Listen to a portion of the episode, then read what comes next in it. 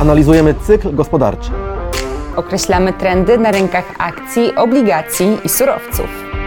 Wybieramy adekwatną klasę funduszy inwestycyjnych. Sprawdźmy, w którym miejscu cyklu jesteśmy dziś. Barometr gospodarczy F-Trust. Comiesięczny komentarz działu analitycznego.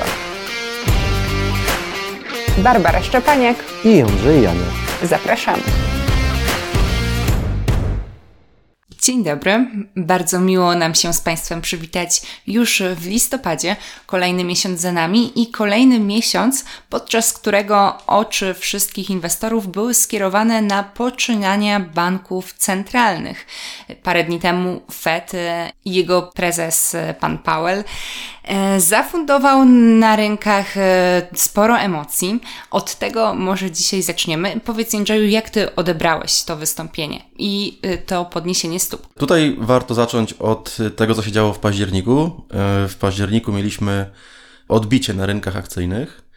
E, Wydaje się, że właśnie to odbicie było motywowane e, oczekiwaniami co do mm, właśnie wystąpienia Powella po, po posiedzeniu Komitetu Otwartego Rynku. I było oczekiwanie, że być może będą sygnały gołębie, czyli że ten cykl albo się nieco obniży w swojej skali, albo w swoim, w swoim czasie. E, Ten cykl podwyżek stóp procentowych. E, No i e, po pierwszej, po, po wydaniu decyzji o podwyżce stóp zgodnie z rynkowym konsensusem na poziomie 70 punktów, e, 75 punktów bazowych, rynek akcyjny w Stanach rósł. Natomiast podczas konferencji, kiedy jeden z dziennikarzy zapytał, jak Jerome Powell widzi to, że rynek reaguje e, właśnie wzrostami, nastąpił e, ten pivot, ale chyba nie ten, na który rynek liczył, e, czyli Jerome Powell stał się jeszcze bardziej jastrzębi, określił to, że ten cykl być może będzie w- swojej skali wyższy niż rynek oczekuje i że mm, bank centralny nie chce popełnić tego błędu, że zbyt wcześnie rezygnuje z podwyżek stóp procentowych. Zaznaczył też, że sytuacja jest zmienna i z posiedzenia na posiedzenie mogą w jakiś sposób korygować swoje decyzje i że w tym momencie właściwie trudno to przewidzieć. Co w takim razie musiałoby się wydarzyć, aby ten pivot, ale ten, na który wszyscy czekamy, e, się wydarzył? Jakie dane z rynku musiałyby spłynąć? No przede wszystkim dane dotyczące e, inflacji, które poznamy już dzisiaj. My nagrywamy ten podcast jeszcze przed publikacją danych o inflacji oraz, no niestety, gorsze dane z rynku pracy. E, Dane z rynku pracy są najbardziej opóźnione względem realnej gospodarki, bo wiadomo, że, że te decyzje o zwolnieniu no, podejmuje się tak naprawdę na końcu. I te dane na pewno przyjdą, bo natomiast one też są opóźnione względem wcześniejszych podwyżek stóp procentowych, które, które już mają miejsce od, od początku tego roku. No i tak naprawdę dopiero teraz będziemy widzieć ich realne efekty y, w gospodarce. To jest tak naprawdę jedyne, je- jedyne, jedyna nadzieja dla tych oczekujących pivotów. Właśnie to jest to, co powiedziałaś, że, że prezes y, Powell zasugerował, że dane będą podejmowane, dane będą miały wpływ na podejmowane decyzje miesiące na miesiąc. To, to daje nadzieję i być może to będą właśnie nadzieje, które będą leżały u podstaw kolejnego odbicia w ramach tej bessy, w której jesteśmy, przed kolejnym posiedzeniem Komitetu Otwartego Rynku. Czyli trochę przynajmniej na amerykańskim rynku, im gorzej, tym lepiej. A jak to wygląda w innych częściach świata? No tak, weszliśmy w taką właśnie fazę, że im gorzej, tym lepiej. E, Natomiast odnośnie tego pivotu, to powiedzenie pivot, ono pojawiło się jakby po raz pierwszy w 2018 roku, kiedy rzeczywiście miał pivot, czyli zwrot o 180 stopni, czyli do Wigilii e, bank centralny podwyżał stopy, a zaraz po świętach Bożego Narodzenia wyszedł e, prezes i stwierdził, że będziemy te stopy obniżać. E, Teraz tak naprawdę rynek nie jakby tu mniej się liczy ten pivot w takim krótkim okresie. On raczej dotyczy powiedzmy kwartału, dwóch czy nawet trzech, bo, bo widzimy, że stopy procentowe rynek wycenia, że będą obniżane w drugiej połowie przyszłego roku. Bardziej właśnie chodzi o ten sygnał, że kończymy z podwyżkami albo że skala podwyżek będzie niższa niż do tej pory rynek wyceniał. To prawdopodobnie wystarczy, żeby inwestorzy rzucili się na te bardziej przecenione sektory rynków akcyjnych czy, czy też obligacji. I, i, i te pierwsze sygnały z, z, spoza Fedu mamy, bo Bank Kanady oczekiwano, rynek oczekiwał, że będzie podwyżka o 75, była o 50. Następnie to samo zdarzyło się w Nowej Zelandii. E, W Polsce mamy już y, też zatrzymanie się i przejście do fazy wait and see, czyli poczekajmy, co nasze poprzednie podwyżki tak naprawdę, jakie, jakie skutki w realnej gospodarce przyniosą. Więc te, to się zaczyna dziać i, i Fed będzie tak naprawdę takim zwieńczeniem tego, tego wyczekiwania i sygnałem do tego, że e, warto śmielej patrzeć na obligacje skarbowe. W takim razie, jak te ruchy na stopach procentowych, te, które już były i te spodziewane w przyszłości, przekują się na poszczególne klasy aktywów, te uwzględnione w naszym barometrze? Może zacznijmy od akcji. One wydają się już być bardzo tanie w ogólności.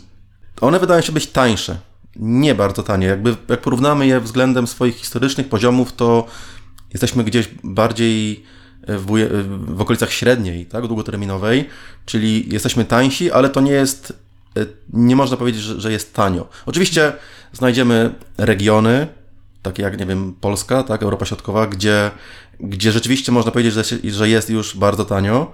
E, możemy znaleźć e, różne sektory, które są bardziej wraż- wrażliwe na przykład na podwyżki stóp procentowych, jak sektory spółek wzrostowych, czy, sektory, czy sektor spółek biotechnologicznych, gdzie, gdzie rzeczywiście e, ta reakcja na, na, ten, na ten, powiedzmy, zwrot w polityce monetarnej może być również e, widoczna. Ale gdy patrzymy na takie indeksy, powiedzmy, globalne, czy, czy, czy za, które agregują szeroki, szerokie koszyki akcji, no to, to tam raczej jesteśmy e, w okolicach średniej i ja się oso- osobiście spodziewam, że, że, że w pierwszej kolejności warto będzie zerkać na nie na akcje, a, a na, na obligacje. Zresztą e, trochę też widzieliśmy to w październiku, gdzie jak sobie podsumowu- podsumowujemy wyniki funduszy inwestycyjnych za dan- dany miesiąc, to na przykład widać było, że e, inwestorzy bardzo mocno podkupywali te najmniejsze spółki w Stanach Zjednoczonych, które najbardziej też e, przeceniły się e, w ostatnim czasie,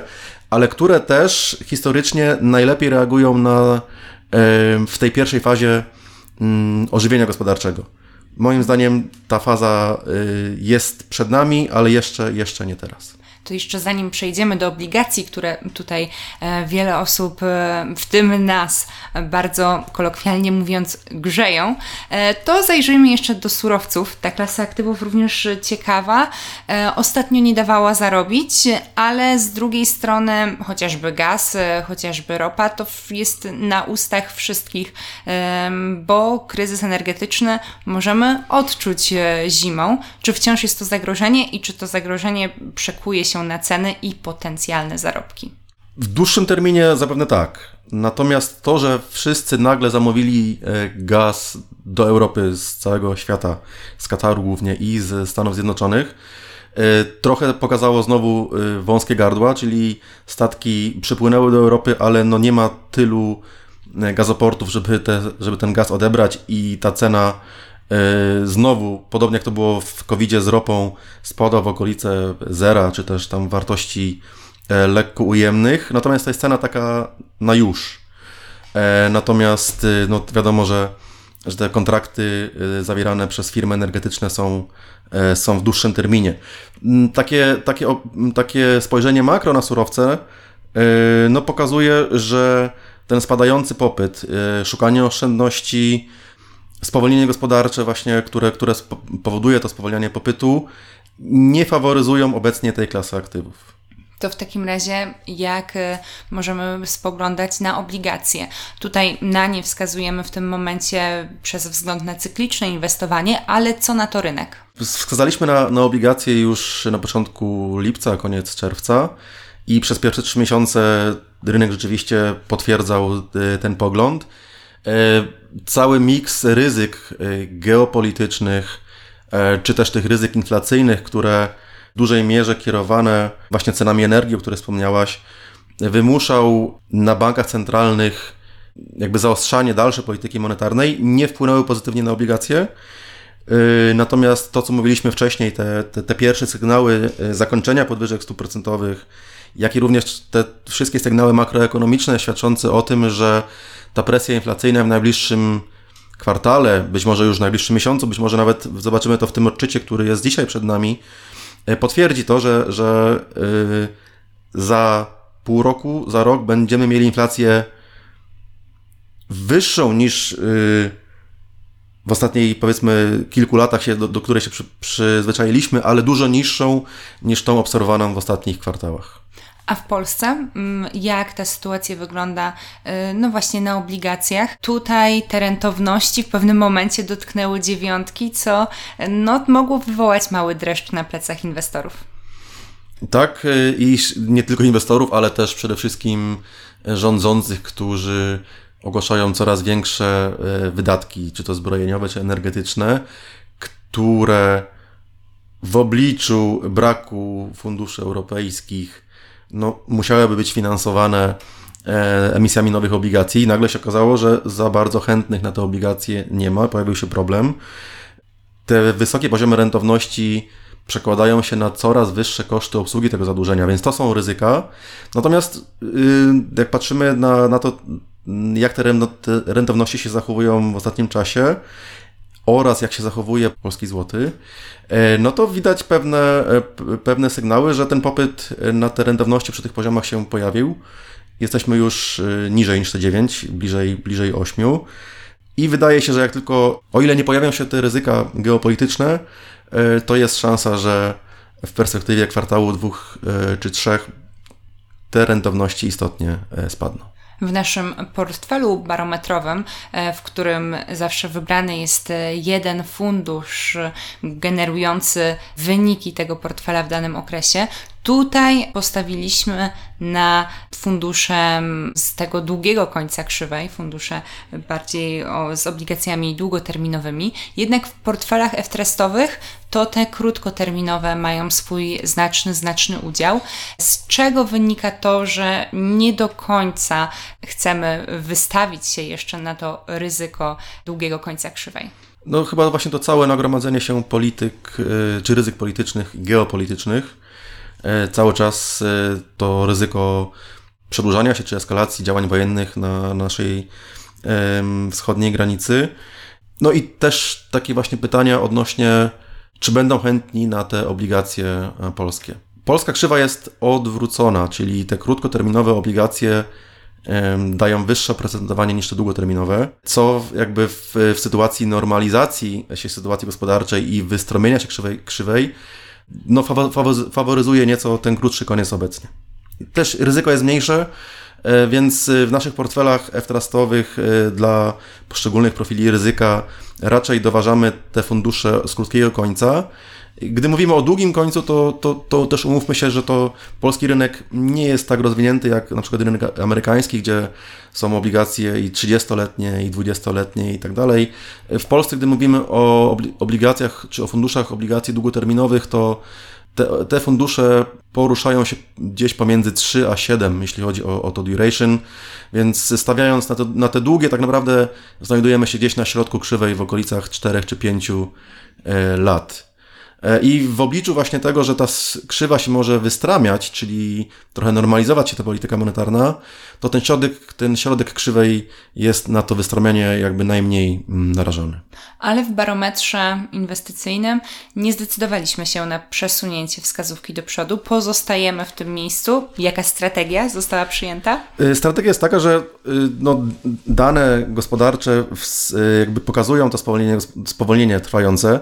Tutaj, jeżeli chcemy taki właśnie globalny obraz y, zobaczyć, no to wystarczy spojrzeć na, na JP Morgan Global y, Manufacturing PMI, który y, już kolejny miesiąc jest poniżej bariery 50 punktów na 46 49,4, co pokazuje, że w ujęciu globalnym świat wchodzi w te recesyjne poziomy. Co istotne, subindeks tego, y, tego wskaźnika dotyczący nowych zamówień, czyli coś, co jakby pokaże nam, gdzie za chwilę będzie ta globalna gospodarka, kurczy się jeszcze bardziej tam do poziomu 46,9.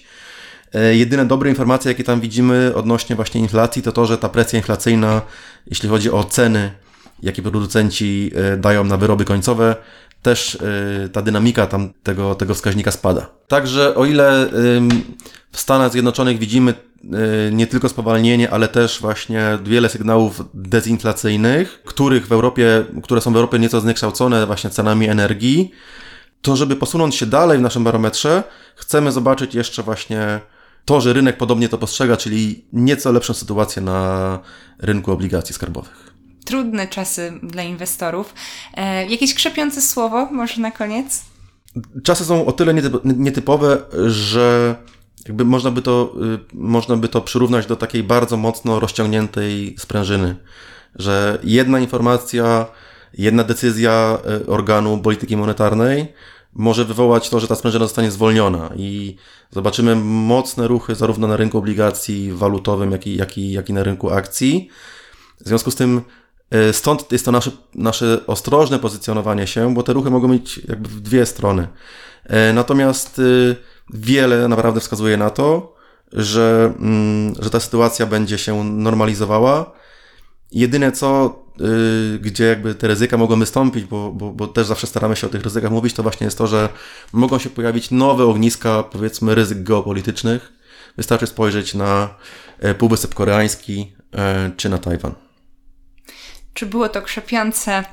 E, Nie nam oceniać, ale mam nadzieję, że Was jednak, mimo tej jesiennej już aury, e, trochę optymizmu również rynkowego pozostało. Bardzo Wam dziękujemy. Przy mikrofonach Jędrzej Janiak. Basia Szczepaniak to był barometr gospodarczy firmy F-Trust. Znajdziecie nas na ftrust.pl ukośnik podcast i tam też sprawdzicie skuteczność podejścia makro do inwestowania. Od kwietnia 2018 roku prowadzimy portfel barometrowy. A składa się on tylko z jednego funduszu, zgodnego ze wskazanym momentem cyklu. Przekonaj się, jak rynek weryfikuje nasze tezy. Jeśli materiał Wam się spodobał, podzielcie się nim ze znajomymi i dodajcie ocenę czy recenzję. Do usłyszenia.